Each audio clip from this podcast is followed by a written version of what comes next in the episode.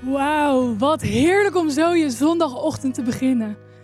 Van het begin tot het einde van de Bijbel gaat het maar om één naam. En dat is de naam van Jezus Christus. Jezus met al zijn liefde, al zijn trouw voor jou en voor mij.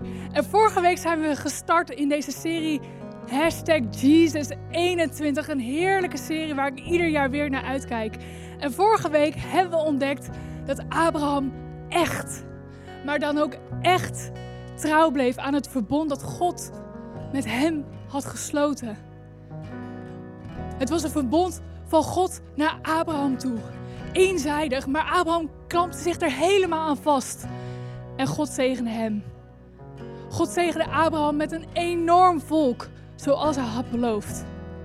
En vandaag gaan we verder ontdekken wat zo'n verbond nou eigenlijk is, wat Jezus jou nou eigenlijk te bieden heeft. En als we kijken naar de Bijbel en praten over het verbond, dan moeten we goed snappen dat er, twee, dat er één groot verbond zijn in twee delen. In het Oude Testament lezen we over het oude verbond. Dat God een verbond sloot met het volk van Israël. En in het nieuwe verbond, in het Nieuwe Testament, sluit God een verbond met alle mensen, met iedereen. En vorige week kreeg je al een aantal details.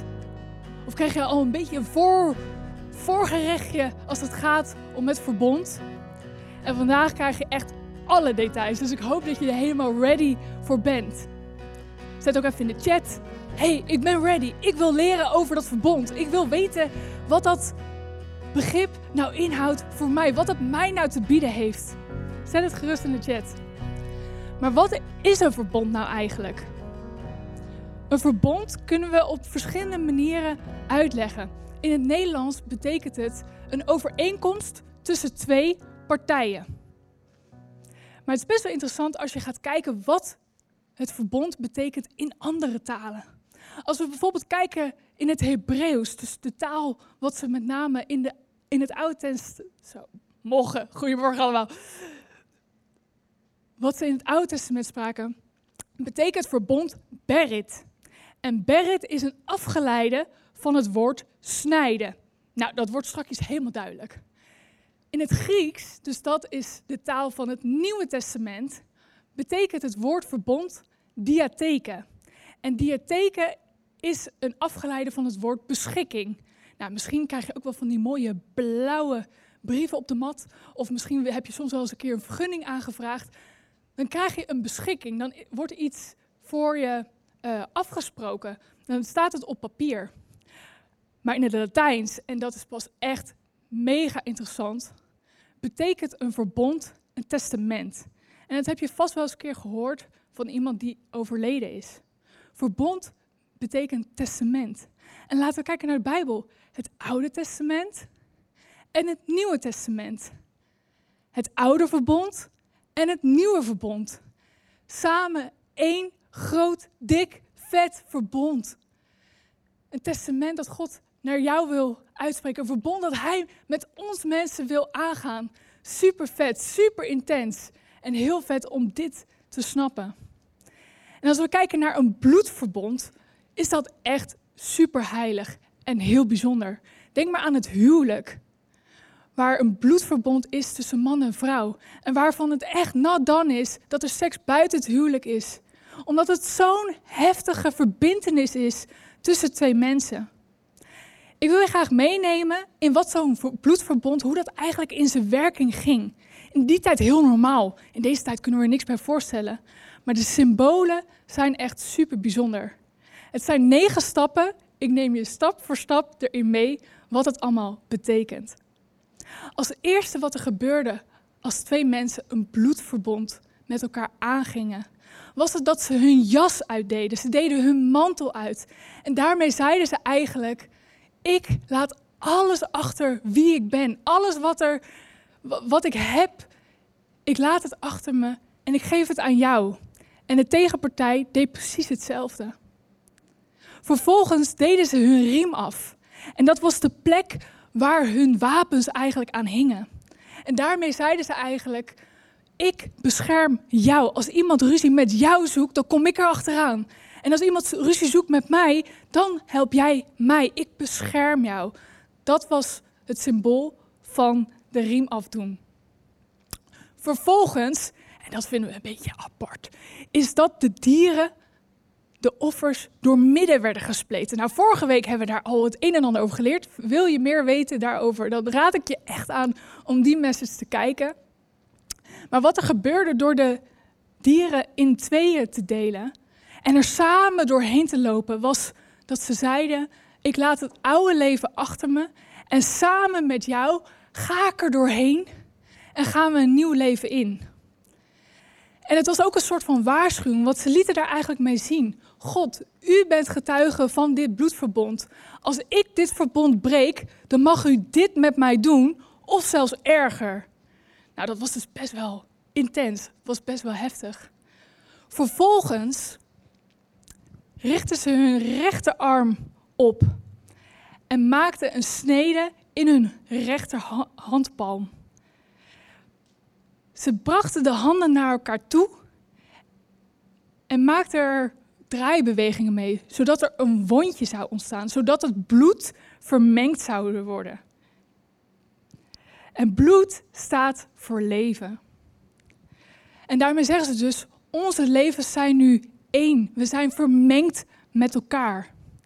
En tijdens het draaien, tijdens, het, tijdens de wondjes tegen elkaar aanwrijven, wisselden ze de namen uit. Ik zou jouw, naam achter, mijn, jouw achternaam aannemen en jij zou mijn achternaam aannemen. Door het draaien van de wondjes, dat het bloed is vermengd en de namen uitgewisseld zijn, ontstaat er een litteken en dat is bewust. Zo'n litteken staat symbool voor, de eh, voor het bloedverbond. En stel je voor, er zou iemand naar jou toe komen en zeggen van, hey, ik ga de strijd met jou aan. Dan is het, ho, wacht even. Kijk, ik heb hier een litteken en dat komt omdat ik een bloedverbond heb. En jij weet niet met wie ik dat verbond heb. Hoe machtig, hoe groot, hoe sterk mijn verbond wel niet is. Dat weet jij helemaal niet. Dus ben jij wel zeker dat je met mij de strijd wil aangaan? Dat was de functie van zo'n litteken. Wanneer dat gedeelte er voorbij, is, werden de voorwaarden met elkaar besproken. Werd er uitgelegd hoe groot het land, hoeveel bezit je had, hoe je familie in elkaar stak. En het zou dus ook zo zijn dat wanneer je hulp zou hebben, je alleen maar hoeft aan te kloppen en te zeggen: hé, hey, ik heb hulp nodig. En dan zou die partij zeggen van, alles wat ik heb is van jou. Je hoeft het maar te vragen, het is voor jou. Maar het bracht natuurlijk ook een verantwoordelijkheid met zich mee. Want stel de ene persoon zou te komen overlijden, dan zou direct de hele familie als geadopteerd worden door de andere partij. En ook als de ene partij lasten of schulden had, ging dat ook over naar de andere partij. Ze waren echt samen één. En om dit te vieren, dat er een bloedverbond is, genoten ze samen een maaltijd. Een maaltijd ter nagedachtenis van het verbond. Ze aten brood en ze dronken wijn. En dit staat al in Genesis beschreven dat zij deze twee dingen aten om dit bloedverbond te vieren. Een prachtig symbool, waar ik later ook nog op terugkom. Brood, dat eh, symbool staat voor het leven, voor het lichaam. En de wijn, dat symbool staat voor levensbloed. Super heftige elementen. Vervolgens, en dat is de laatste stap, wordt er een boom geplant, besprenkeld met het bloed van de dieren, als nagedachtenis, net zoals dat litteken, zichtbaar voor iedereen te aanschouwen dat dat bloedverbond er is en dat ze zichzelf keer op keer kon herinneren aan het bloedverbond. Nou, super veel stappen en heel erg heftig. En dit bloedverbond, dat gold niet alleen voor de mensen op dat moment. Nee, dat ging op generatie op generatie op generatie. En kinderen hadden de keuze om het bloedverbond te verbreken, maar eigenlijk was dit verbond on eindig. No limits. Niets kon daartussen komen. Een bloedverbond zou altijd blijven bestaan. Laten we naar een clip kijken waar wordt uitgelegd hoe God een bloedverbond met mensen aan is gegaan. If you've been around Christians, you've probably heard of the idea of having a personal relationship with God, which could mean different things in the Bible, like having God as a friend, or your father, or maybe your teacher. But there's one particular way that the Bible talks about this relationship that you find all over. But strangely, we don't talk about it that much. And that's the idea of a partnership with God. A partnership like working alongside someone to accomplish a goal together. Right. And this is actually what you see at the beginning of the Bible. God creates this good world full of all of this potential. And then God appoints these unique creatures, humans, as his partners in bringing more and more goodness out of all that potential. But the humans don't want to partner with God. They rebel and try to create a world on their own terms. And so, this broken partnership is the Bible's explanation for why we're stuck in a world of corruption and injustice and the tragedy of death. It's not like there's just one or two humans who have bailed on this relationship. In the story of the Bible, everyone has abandoned the partnership with God. So, what God does is select a smaller group of people out of the many, and He makes a new partnership with them called a covenant. And in a covenant, God makes promises and then in exchange asks his partner to fulfill certain commitments. And the purpose of all of this is to somehow use this covenant relationship to renew his partnership with everybody else. Now, there are actually four times in the Old Testament that we're told God initiates a covenant relationship with Noah, Abraham, the nation of Israel, and King David. And it's through these that God is forming a covenant family into which all people will eventually be invited. So let's see how these work. The first one is with Noah. So in this story, God has just brought the flood to cleanse the world of humanity's corruption, and Noah and his family are the only ones left. And so God makes a covenant with Noah, saying, Listen, I know that humans will continue to be evil, but despite that, I'm not going to destroy it like this again. Instead, the earth will be this reliable place for us to work together. Great. So, what does Noah have to do? Nothing. And that's what's so interesting about this first covenant is that God is promising to be faithful even though he knows humans won't be. The next time we see God make a covenant is with a man named Abraham. God chooses him, promises to bless him, give him a large family, lots of land where they can flourish. And in return, God asks Abraham to trust him and train up his family to do what is right and just. And the whole reason for this covenant is God says that somehow he's going to bring his blessing to all families of the world through this one family. So that's Abraham. The next time we see God make a covenant is when Abraham's family grows into the tribe of Israel. And this covenant is with the whole tribe. God asks them to obey a set of laws, which are these guidelines for living well as a community of God's partners. And if they do this, then God promises to bless them and that they will become a people who then represent Him to the rest of humanity. That's the covenant with Israel. The last covenant is with King David. Yeah, the tribe of Israel has become this large nation ruled by David. And God asked David and his descendants to partner with him by leading Israel in obeying the laws and doing what is right and just. And God promises that one day, one of David's sons will come and extend God's kingdom of peace and blessing over all the nations. So, those are the four covenants that God makes in order to restore his partnership with the whole world. But here's what happens Israel breaks the covenant. They worship other gods, they allow horrible injustice, and so they lose their land and are forced off into exile. So it seems hopeless. But during this time, Israel's prophets talked about a day when God would restore these covenants in spite of Israel's failure, somehow. Yeah, they called it the new covenant. And this is actually what's so interesting about Jesus is that he's introduced into this story as the one who fulfills all of these covenant relationships. We're told that he's from the family of Abraham, and so he will bring the blessings of that family to the whole world. We're told that he's the faithful Israelite who was able to truly obey the law. And we're told that he's the king from the line of David, and so he goes about extending God's kingdom of justice and peace to all. And that's really remarkable for one guy. Yeah, and what it highlights is perhaps the most surprising claim of all made about this man that Jesus is no mere human, but rather God become human. And God did this in order to be that faithful covenant partner that we are all made to be, but have failed to be. And so through Jesus, God has opened up a way for anyone to be in a renewed partnership with Him. So Jesus calls people to follow him and become part of this new covenant family. And despite their failures, Jesus is committed to making them into partners who are becoming more and more faithful. The story of the Bible ends with a vision of a fully renewed world, full of goodness and peace. And there's this renewed humanity there, partnering together with God to expand the goodness of his creation. And so the end of the Bible story is really a new beginning. Niet alleen sloot God met mensen een verbond, mensen sloten dus ook onderling een verbond. En een van die voorbeelden die we lezen in de Bijbel gaat over een vriendschap, over een bloedverbond tussen David en Jonathan. En koning David kennen we als degene die Goliath versloeg. En Jonathan kennen we als de zoon van Saul.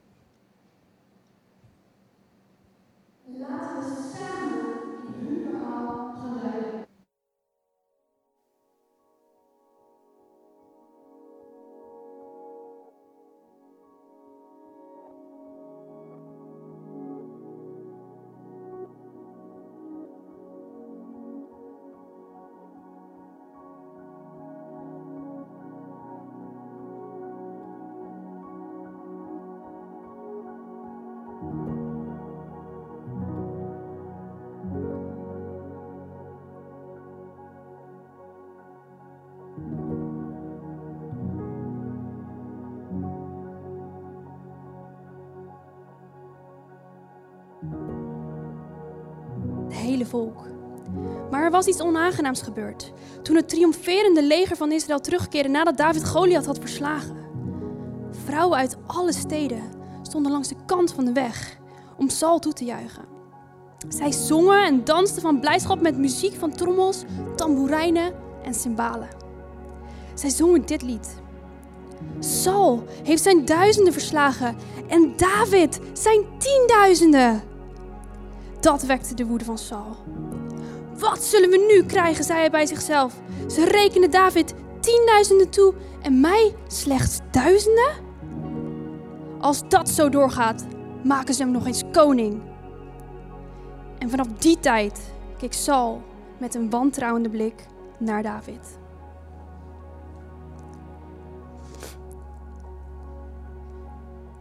Wauw.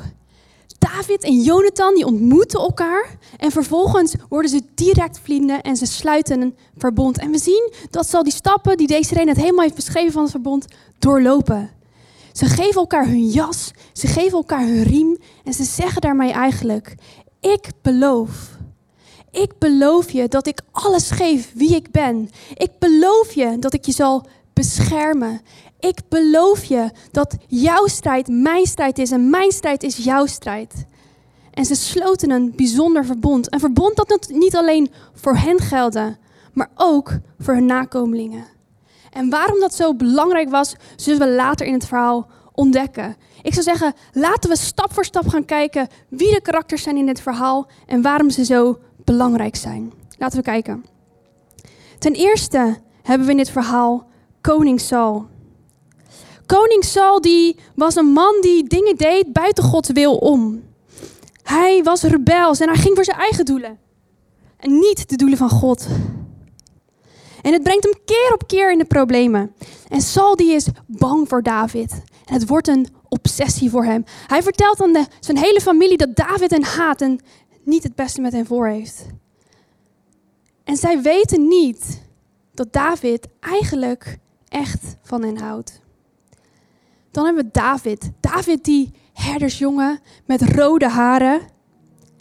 De reuzendoder. Hij was zo'n grote strijder. Hij versloeg al zijn vijanden en alle vijanden van Saul. En in de Bijbel staat dat Saul, dat David een man naar Gods hart was. En David die wilde Saul liefde tonen. Hij wilde hem laten zien dat hij van hem hield. Maar Saul liet dit niet toe. En op een gegeven moment loopt het helemaal uit de hand. David is gevlucht voor Saul, want Saul wil hem doden. En, Saul, David krijgt meerdere keren de kans om Saul te doden. Maar David kiest ervoor om dit niet te doen. En keer op keer vergeeft David Saul. En dan hebben we Jonathan. Jonathan, de zoon van Saul. En hij is eigenlijk het tegenovergestelde van wie Saul is. Hij is meer zoals David. Hij wil het goede doen en hij houdt van David. Ze worden vrienden, ze sluiten een bloedverbond. En Jonathan die probeert eigenlijk keer op keer vrede te brengen tussen zijn vader en tussen David. Maar het werkt averechts. eigenlijk wordt het steeds erger en erger. En op een zeker moment is Saul zo boos dat hij zelfs een speer gooit naar zijn eigen zoon Jonathan. Er is nog een karakter in dit verhaal. En een karakter die je misschien nog nooit eerder ontmoet hebt, waarvan je nog nooit gehoord hebt. En zijn naam is Mephibosheth. Misschien zoek je nog een jongensnaam. Dit is een perfecte voor op je lijstje. Al die vrouwen die zwanger zijn, het rolt zo lekker over de tong. Mephibosheth, de zoon van Jonathan. En wanneer hij nog maar vijf jaar oud was, overlijdt zijn vader, Jonathan, en zijn opa Saul in een strijd. En David kan nu van de situatie gebruik maken om koning te worden en de familie van Saul te doden. Dus Mephibosheth wordt meegenomen door zijn verzorgende op de vlucht voor David. Maar in alle haast heeft de jongen vast, laat ze hem vallen en hij verbrijzelt zijn beide voeten. En terwijl Mephibosheth onder ondergedoken zit, ver weg van David, wordt hij steeds bitterder en bitterder. En steeds wanneer hij naar zijn voeten kijkt, denkt hij aan David die hem haat en hem te pakken wil nemen. Hij leeft in angst. Hij is niet vrij. Hij leeft in gevangenschap. En hij weet niet beter of dat David hem haat. Hij heeft altijd van zijn, van zijn opa gehoord: David haat ons. David wil het slechte met ons doen. En hij weet niet dat hij eigenlijk een verbond heeft met David door zijn vader Jonathan. Jonathan die dat verbond met David smeet, waardoor Mephibosheth ook deel van dit verbond uitmaakte. Nou, ondertussen is koning David aan de macht gekomen. Hij regeert en hij vraagt zich af of er nog familie van Jonathan in leven is. Want hij wil het beste voor ze doen. Hij wil zijn deel, zijn kant van het verbond houden. Maar niemand wil hem informatie geven. Niemand wil hem vertellen of er nog familie van Jonathan is. Want ze denken, dit is vast en zeker een list van David om toch iets die familie aan te doen. Dus niemand geeft hem informatie. Maar uiteindelijk vindt koning David Mephibosheth. Hij weet waar hij is en hij stuurt er koetsen op af om hem te halen. En wanneer Mephibosheth die koetsen ziet, denkt hij, nu is het zeker gedaan met me. David komt me halen, dit is het einde. Maar niets is minder waar. Het tegenovergestelde is waar. Hij krijgt al zijn land terug en hij mag bij David in het paleis komen wonen. Hij verdiende het niet, toch kreeg hij het, omdat er een verbond was. En hij mocht kiezen wat hij deed. Hij mocht ervoor kiezen als kind van Jonathan om in het verbond te blijven wat zijn vader met David had gesloten, of om op dit moment er toch niet voor in te gaan. En hij, hij mocht zelf kiezen. Het was een vrije keuze en het was niet iets wat David hem kon opleggen. En misschien denk je, het is toch een hele makkelijke keuze. Je mag in het paleis wonen, je krijgt alles terug wat van je familie was. Hop, je gaat in die koets, je gaat mee en die, die doet het gewoon. Waarom moet je daarover nadenken? Maar het was geen makkelijke keuze voor Mephibosheth. Zijn hele leven lang had hij gedacht dat David hem haatte. Hij had het altijd gezegd tegen al zijn vrienden dat David een slechte man was. Hij had het altijd geloofd. En om nu dan ineens naar dat paleis te gaan nadat je je hele leven in gevangenschap hebt geleefd, gezorgd hebt dat David je niet kon vinden, om dan nu ineens naar hem toe te gaan, daar te gaan wonen, dat zou zwak zijn. Zijn vrienden zouden hem belachelijk maken. En het was aan hem. En uiteindelijk koos Mephibosheth ervoor om het verbond aan te gaan. Alles werd hersteld en alles werd hem vergeven. En al zijn nakomelingen werden ook deel van dit verbond en werden ook gezegend. Klinkt dit verhaal niet een klein beetje bekend? Doet het je niet denken aan andere personen in de Bijbel? Nou, dit verhaal geeft een prachtig beeld van Jezus, zijn liefde voor ons en zijn vaders liefde voor ons. Mephibosheth die vertegenwoordigt in dit verhaal ons mensen. Wij leven net zoals Mephibosheth in angst, gevangenschap. We zijn niet echt vrij. En ondertussen zitten we daar en weten we niet hoe God eigenlijk echt is. Dat Hij het beste met ons voor heeft en dat Hij een prachtige deal voor jou en voor mij klaar heeft liggen. En dan is daar David. David die vertegenwoordigt God. Hij houdt zich aan zijn woord En hij houdt zich aan zijn kant van het verbond. Wat er ook gebeurde, wat de familie van Jonathan ook deed. Hij hield zich eraan. Hij was trouw, net zoals God. Niet omdat jij en ik dat verdienen, maar omdat God al lang geleden een verbond met de mensheid is aangegaan. En dan tot slot hebben we Jonathan. Jonathan die er alles aan probeerde te doen om vrede te brengen, het goed te maken tussen David en Saul, als een soort bemiddelaar. Net zoals Jezus dat deed voor jou en voor mij, om te bemiddelen tussen God en ons. En doordat Jonathan een verbond aanging met David, kon ook Mephibosheth daarvan profiteren. Net zoals dat jij en ik kunnen profiteren van het verbond dat Jezus aanging met God namens ons.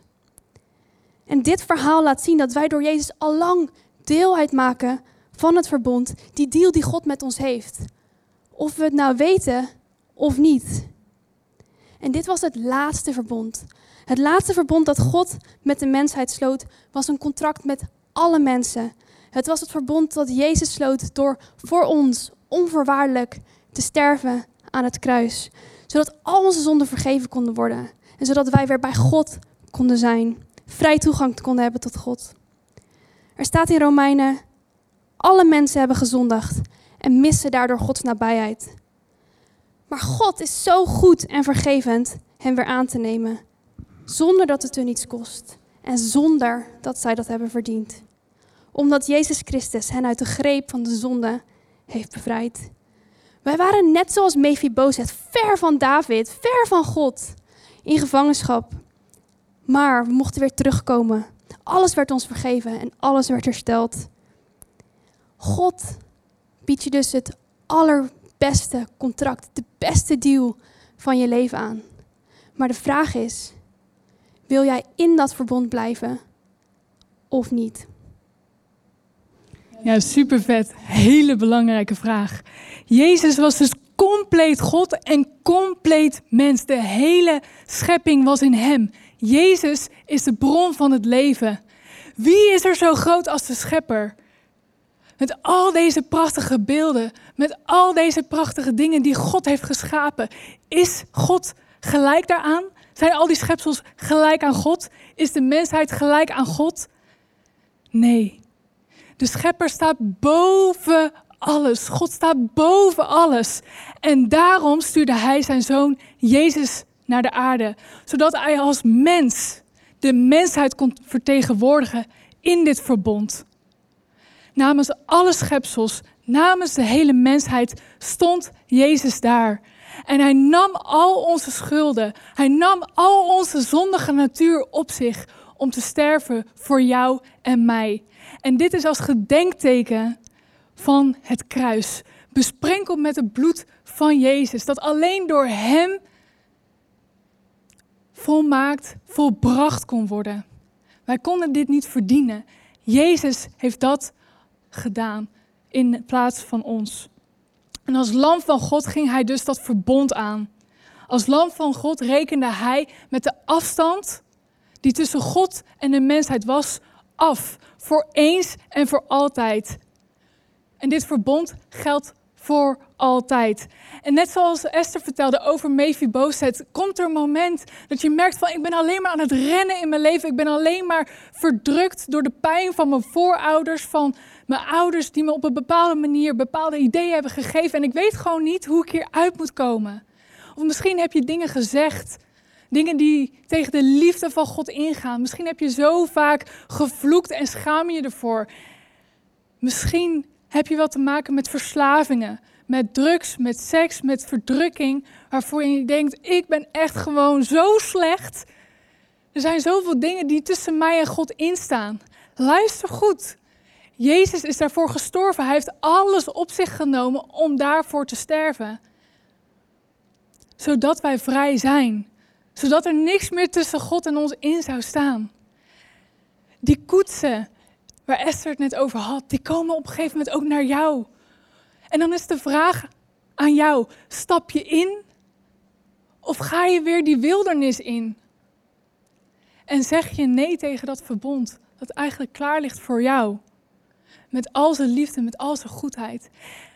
Maar als je instapt, Als jij meegaat in die koets, als jij ja zegt tegen God, dan krijg jij ook een litteken. En denk je, oeh, wat nou? Nee, iets heel vets. Dan krijg je de Heilige Geest als een soort van stempel over je heen. De Heilige Geest die in jou wil wonen. De Heilige Geest die jou een richting opstuurt, die jou helpt. En we kunnen zelf die keuze maken. In Romeinen 8, vers 14 tot 17 lezen we hoe dit litteken eruit ziet. Want alle die door de geest van God geleid worden, zijn kinderen van God. Wij hoeven dus geen slaven van de angst meer te zijn. Nee, God heeft ons een andere geest gegeven. Wij zijn door Hem aangenomen als kinderen en doordat Zijn geest in ons woont, roepen wij Abba, Vader. Want in ons diepste wezen overtuigt Gods geest ons ervan dat wij kinderen van God zijn. En als wij Gods kinderen zijn, krijgen wij ook wat ons als kinderen toekomt. Wat God aan zijn zoon Jezus Christus geeft, zal Hij ons ook geven. Als wij hetzelfde lijden doormaken als Hij, zullen wij dezelfde heerlijkheid krijgen als Hij. Wanneer Satan ons aanvalt, zeggen we: hey, ik heb dat litteken. Ik heb de Heilige Geest in me. Hij strijdt met mij mee. Dus you better move. Dat is wat de Heilige Geest in jouw leven kan doen. En wat je power geeft om al die battles in het leven aan te gaan. En in de openbaringen lezen we ook hoe dat maaltijd, hoe dat gevierd wordt, net zoals dat verbond, dat God dat ook met jou en mij wil doen. Luister, ik sta voor de deur en ik klop. God staat vandaag voor jouw deur en klopt. Als iemand mij hoort en de deur open doet, zal ik bij hem binnenkomen. Dan zullen wij samen eten. Hij met mij en ik met hem. Laten we luisteren naar een bijzonder interview met Jeroen. Ja, Jeroen, kom er lekker bij. Um, dan gaan we beginnen. Ik ga je alvast voorstellen voor alle mensen die jou nog niet kennen. Uh, welkom, Jeroen. Uh, we kennen jou wel vaker van hier vooraan op het podium. Um, als worshipper, als vocal, sta je hier altijd lekker te worshipen. Je bent uh, 29 jaar oud. Net getrouwd met Alicia, half jaar, dus nog helemaal vers. Um, je bent werkend als arts in een verpleeghuis. En ik vond het heel erg bijzonder dat toen jij afgestudeerde, was denk ik vorig jaar, toen postte jij op Instagram uh, iets uh, heel bijzonders. Daar zei je, als arts zal ik beloven om niet alleen maar um, mensen altijd gezond te houden en ervoor te zorgen dat ze gezond blijven en ze gezond te maken, maar ik zou ook, voor, ik zou ook beloven om mensen over Jezus te vertellen. en dat vond ik echt onwijs bijzonder. En ik ben onwijs benieuwd wat erachter zit, wat jouw verhaal is. Dus neem ons mee in hoe jij eigenlijk Jezus leerde kennen wie die voor jou is. Ja, dank. Um, nou ja, ik uh, ben altijd opgegroeid in een uh, christelijk gezin. Ik, met de paplepel ingegoten. Ik ging altijd op zondag met ons gezin naar de kerk. Ik ging naar de tienerclub. Um, ja, en, en daarbij ben ik wel gevoed, opgevoed met het geloof. Ehm, op een gegeven moment maakte ik wel zelf echt een bewuste keuze om mee te gaan met een zendingsreis naar Zuid-Afrika met een organisatie. En daar heb ik echt, echt het geloven dieper ervaren. Uh, het Heilige Geest aan het werk gezien. Wonderen meegemaakt. Uh, Gods, de Heilige Geest als bescherming meegemaakt tijdens een overval. Echt hele vette dingen meegemaakt. En toen kwam ik dus in Leiden, ging studeren. En ja, vanaf dat moment wilde ik echt bewust gaan investeren in die relatie met, met Jezus. Uh, ik ben ook gelijk be bewust op zoek gegaan naar een kerk waar ik kon dienen en waar ik uh, ja, die relatie kon gaan uh, cultiveren en investeren. En wat merkte je toen u dat deed? Veranderde die relatie met Jezus daardoor ook echt? Uh, ja, het, het werd uh, ik, ik had eerst een relatie van alleen maar consumeren, alleen maar naar de kerk en je laten voeden. En vanaf dat moment was ik echt aan het dienen en, en zelf ook aan het investeren. En dat, ja, dat is een hele andere mm. relatie geworden. Ja. Dus het werd steeds sterker eigenlijk, die relatie met God. hoe ervaar je dan Jezus nu in je dagelijks leven? Wie is hij voor jou? Um, ja, Jezus is voor mij het voorbeeld van uh, hoe je je leven zou moeten leiden. Uh, we lezen in, in, in, de Bijbel over zijn leven, over zijn verhaal, over wat hij allemaal doet. En we kunnen ook zien hoe hij denkt, hoe hij met de ogen van God naar mensen kijkt en onvoorwaardelijke liefde heeft. Mm. En dat voorbeeld wil ik heel erg ja, naleven en, en vanuit zijn ogen ook naar mensen kijken. Ik denk dat dat het belangrijkste is wat Jezus voor mij is. Echt een voorbeeld hoe ik moet leven. Wauw, cool. Bijzonder om te horen. Ehm, je zei ook, eh, ik weet dat je natuurlijk als arts weet je heel veel dingen over het menselijk lichaam. Dat is ook een van de dingen, denk ik, die jou anders heeft doen kijken naar het leven. Kan je daar iets over zeggen? Uh, ja, ik, ik, ja, inderdaad. Uh, je leert veel over het lichaam. Um, en daarin ervaar ik Jezus ook en, en, en Gods scheppingsverhaal. We, net, we hoorden net over het scheppingsverhaal en allemaal mooie plaatjes mm. erachter. Maar de kroon is natuurlijk de mens. De mens heeft hij geschapen. En dat, dat lichaam zit zo ingenieus in elkaar. Uh, alles werkt samen. Het is echt bizar om dat allemaal uh, te weten en, en te leren kennen. Een klein voorbeeldje. Ik was enorm verbaasd over uh, een dotteroperatie. Waarbij ze dus de slagaders van je hart openmaken. Die dicht zijn. Dat gaat soms met, met drukken van 20 tot 30 bar. En je moet je voorstellen, een autoband wordt opge, opgepompt met 2,5 bar. Het laat maar zien hoe ingenieus het lichaam Bijna in onmogelijk zit. zou je eigenlijk denken, toch? Bizar. Ja, Ja, bizar. Nou, in je werk kom je natuurlijk heel veel in aanraking met andere mensen, eh, collega's, maar ook eh, patiënten. En ik ben heel erg benieuwd, welke rol speelt Jezus daar? Ehm, ja, eh, ik kom dan wel weer terug op het geduld hebben. Mensen zien naar mij, mijn collega's zien naar mij dat ik meer geduld heb dan zij over het algemeen. Ik heb veel te maken met patiënten die soms moeilijk zijn, familie die soms moeilijk Ja. is. Eh, en zij haken vrij snel af en worden soms ook wel geroddeld over mensen. En ik, ik hou daar niet van. Ik wil gewoon met Gods ogen, met Jezus Mm. ogen naar die personen kijken.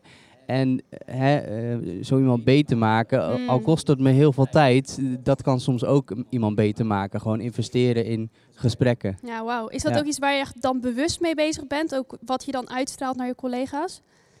Ja, ja zeker. Dat, eh, hè, mijn statement eh, maakte ik niet voor niets. Hmm. Eh, ik, ik geloof echt dat mijn werk iets kan betekenen en dat God mij daar ook heeft geplaatst om over God te praten en over Jezus te praten. Het is soms wel moeilijk en soms echt wel een, een drempel eh, om te beginnen. En waar begin je dan? Mhm. Je moet ook wel je moment uitkiezen. Ik, ik, ik denk niet dat je het moet opleggen, maar ehm, ja, waar ik kan probeer ik het wel. en wat zijn dan die momenten dat voor jou dat, dat, dat zoiets ter sprake komt? Eh, nou, bijvoorbeeld als, eh, als we het hebben over het leven na de dood. Hmm. Eh, heel veel oudere mensen heb ik mee te maken natuurlijk. En die, voor heel veel mensen is dit het enige leven. En ik kan vertellen, nee, maar het houdt niet op na de dood. Eh, Hm. ik geloof in het verlossingswerk van Jezus. Als je daarin gelooft, dan is een belofte op eeuwig leven. Ehm, en soms is het een beetje afwachten wat er dan mee gebeurt. Maar ik denk dat mijn bijdrage, als ik dat alleen al vertel en, en daarover getuig, dat dat iets los kan maken in Mm. mensen. En eh, ja, eh, mensen kan redden. Ja. Echt tof om te horen dat, ja, ook al vind je het echt spannend en is het ook een drempel natuurlijk. Ik denk dat dat heel herkenbaar is voor ons allemaal en dat we dat allemaal ervaren. Want het is elke keer weer spannend om over Jezus te praten. Maar tof dat je echt ontdekt hebt wie hij voor jou is. En dat je dat nu ook niet voor jezelf wil houden, maar dat je dat ook echt door wil geven aan anderen. Eh, dus eigenlijk wat Jezus jou heeft geboden ook weer aan andere mensen biedt. En ik vind het heel tof om te horen. Bedankt voor je verhaal en Ja, laten we hem een applaus geven. Esther. Maar misschien vraag je je af, wat heeft Jezus nou voor mij te bieden? Wat kan Hij mij nou bieden op dit moment en voor altijd?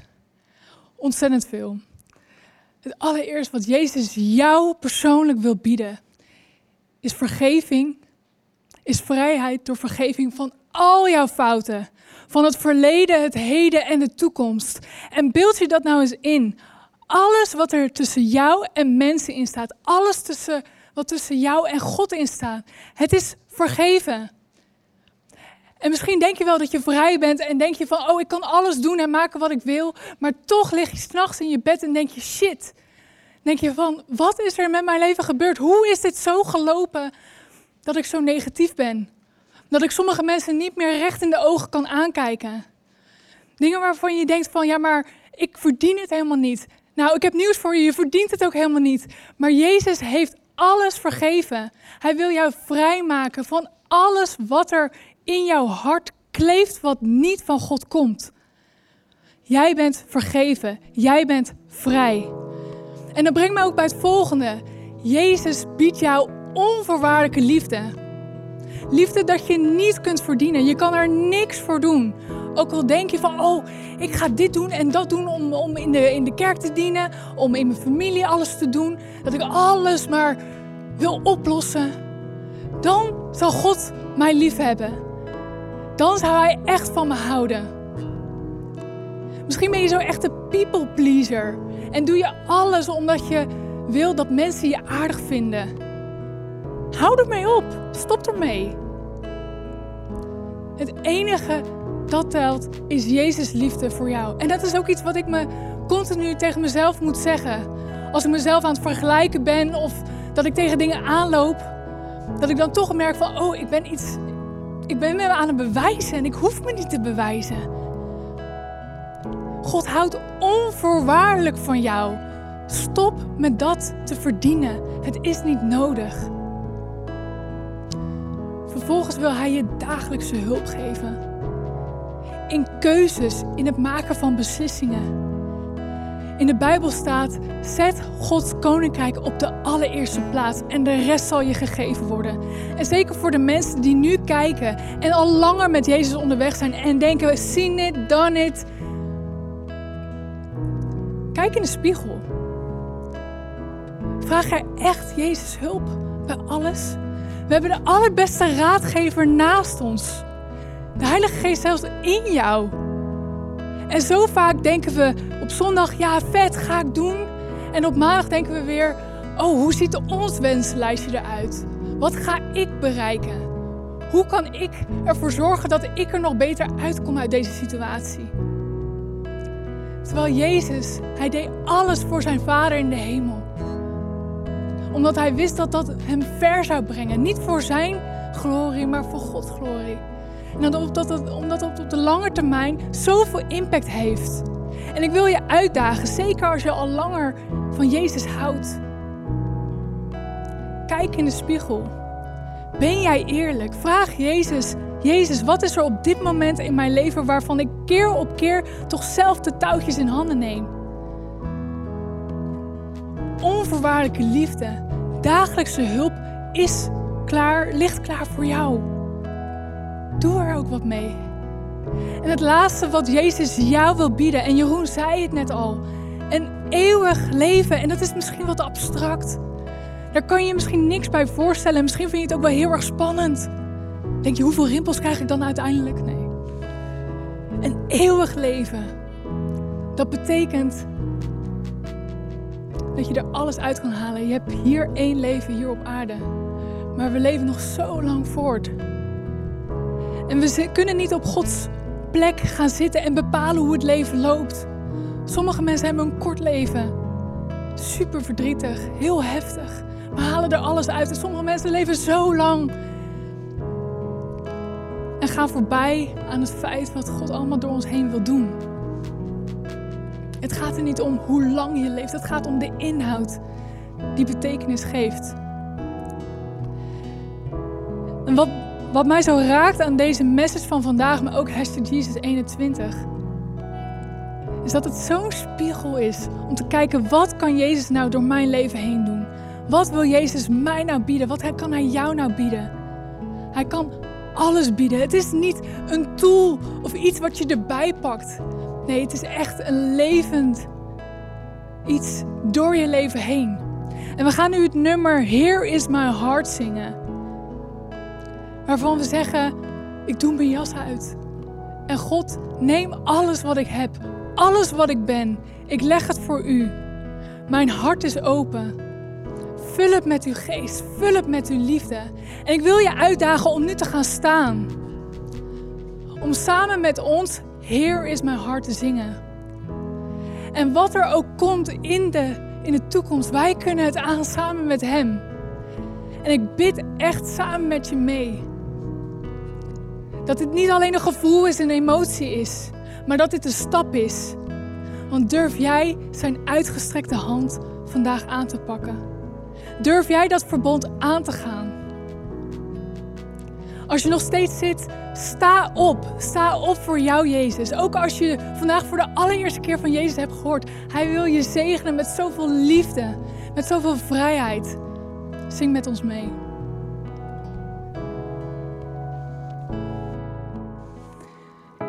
Ja, we zingen, u bent heilig, u bent zo groot. En dat verbond dat Jezus duizenden jaren geleden is aangegaan, namens de mensheid met God, die is er voor jou.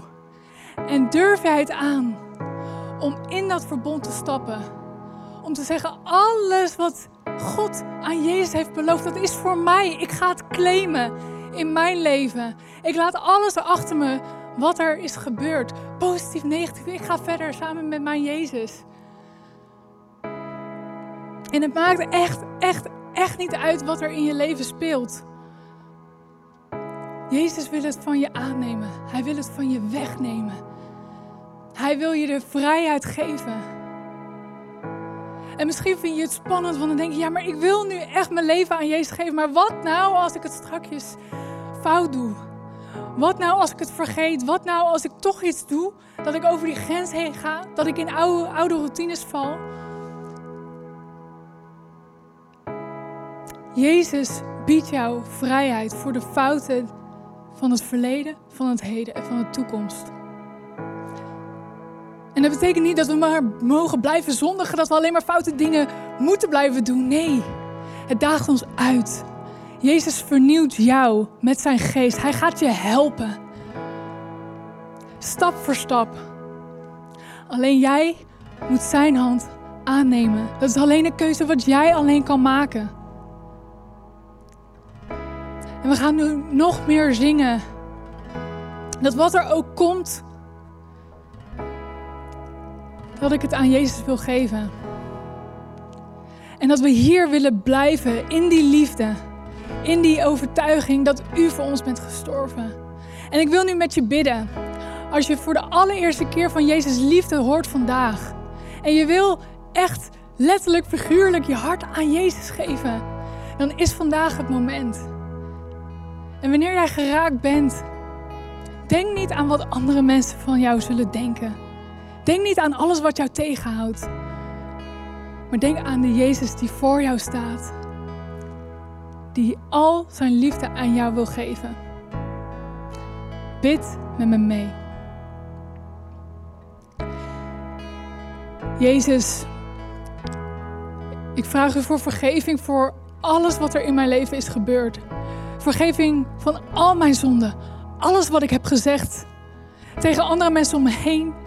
Misschien kleine dingen, misschien heftige dingen. Dingen waar ik andere mensen mee pijn heb gedaan, waar ik mezelf pijn mee heb gedaan. Ik wil het niet meer. Jezus, ik neem u aan als mijn persoonlijke verlosser. Bevrijd mij van alles wat tegen mij is. Want ik weet, u bent voor mij. En ik wil me inzetten om die liefde nooit, nooit, nooit kwijt te raken. Jezus, ik weet dat u mij de Heilige Geest geeft. Help me, alstublieft. Want vanaf vandaag zeg ik, ik kan het niet alleen. Ik wil het niet.